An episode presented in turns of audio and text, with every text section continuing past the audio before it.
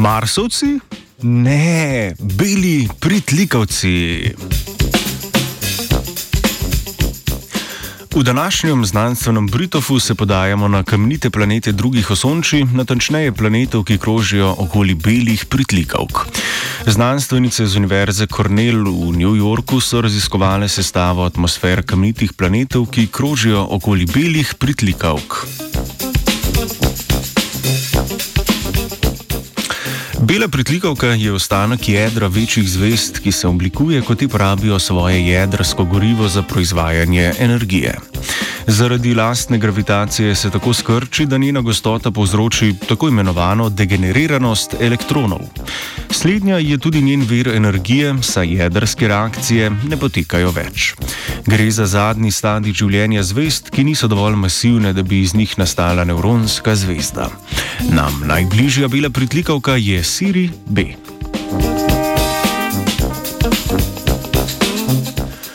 Prvi planet v orbiti bele pritlikavke je bil odkrit leta 2015. Pozneje so znanstveniki in znanstvenice ugotovili, da lahko pri vsaki drugi beli pritlikavki pričakujemo kamnite planete. Ocenjujejo tudi, da se približno 28 odstotkov teh planetov nahaja na tako imenovanem naseljivem območju, kjer temperaturni pogoji dopuščajo življenje. Zaradi zelo dobre stabilnosti belih pritlikavk pa je to območje obstojno dovolj časa, da se na njem lahko razvije življenje. Raziskovalke sta zanimali sestava atmosfere planetov v orbiti belih pritlikavk in površinska temperatura. Vprašanje se, so se odločile nasloviti z uporabo računalniške simulacije razmer v zgodnih atmosferah, ki jih ustvari zvezda. Atmosferski dinamiki so v simulaciji dodali zvezdino sevanje, ki preferenčno povzroča določen tip kemijskih reakcij.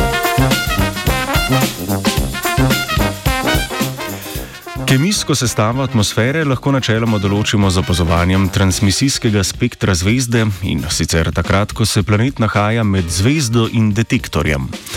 Ker pa do nas prispejo samo neukrivljeni žarki, smo pri opazovanju globih delov atmosfere omejeni.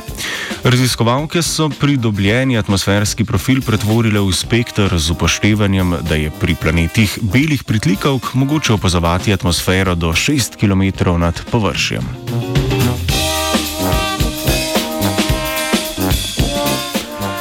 Znanstvenice so raziskale vpliv postopnega ohlajanja bele pritlikavke na količino ozona na njenem planetu. Za nastanek ozona so namreč potrebni visokoenergijski fotoni, ki jih je več pri bolj vročih zvezdah. Ker je posledično na planetih, ki krožijo okoli hladnejših izmed belih pritlikavk, manj ozona, je zato zaščita pred uvisevanjem večja. Manjša se upravičujem. Hkrati pa te zvezde sevajo več energije v infrardečem spektru, ki bolj učinkovito segreva planet. Zato so njihovi planeti toplejši.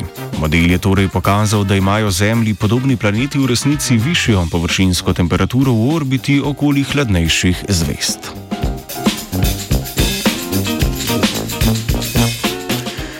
Ker se bela pritlikavka s časom ohlaja, bi planet, ki bi krožil okoli nje, sprva prejemal osvetlitev, primerljivo z osvetlitvijo Venere.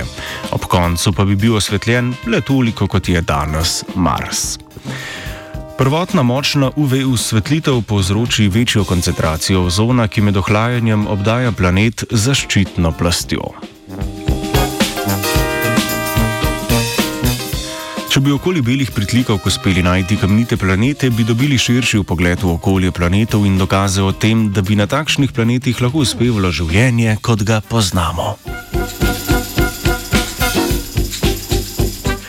Na exoplanet se je podal vajenec Filip. Three, two,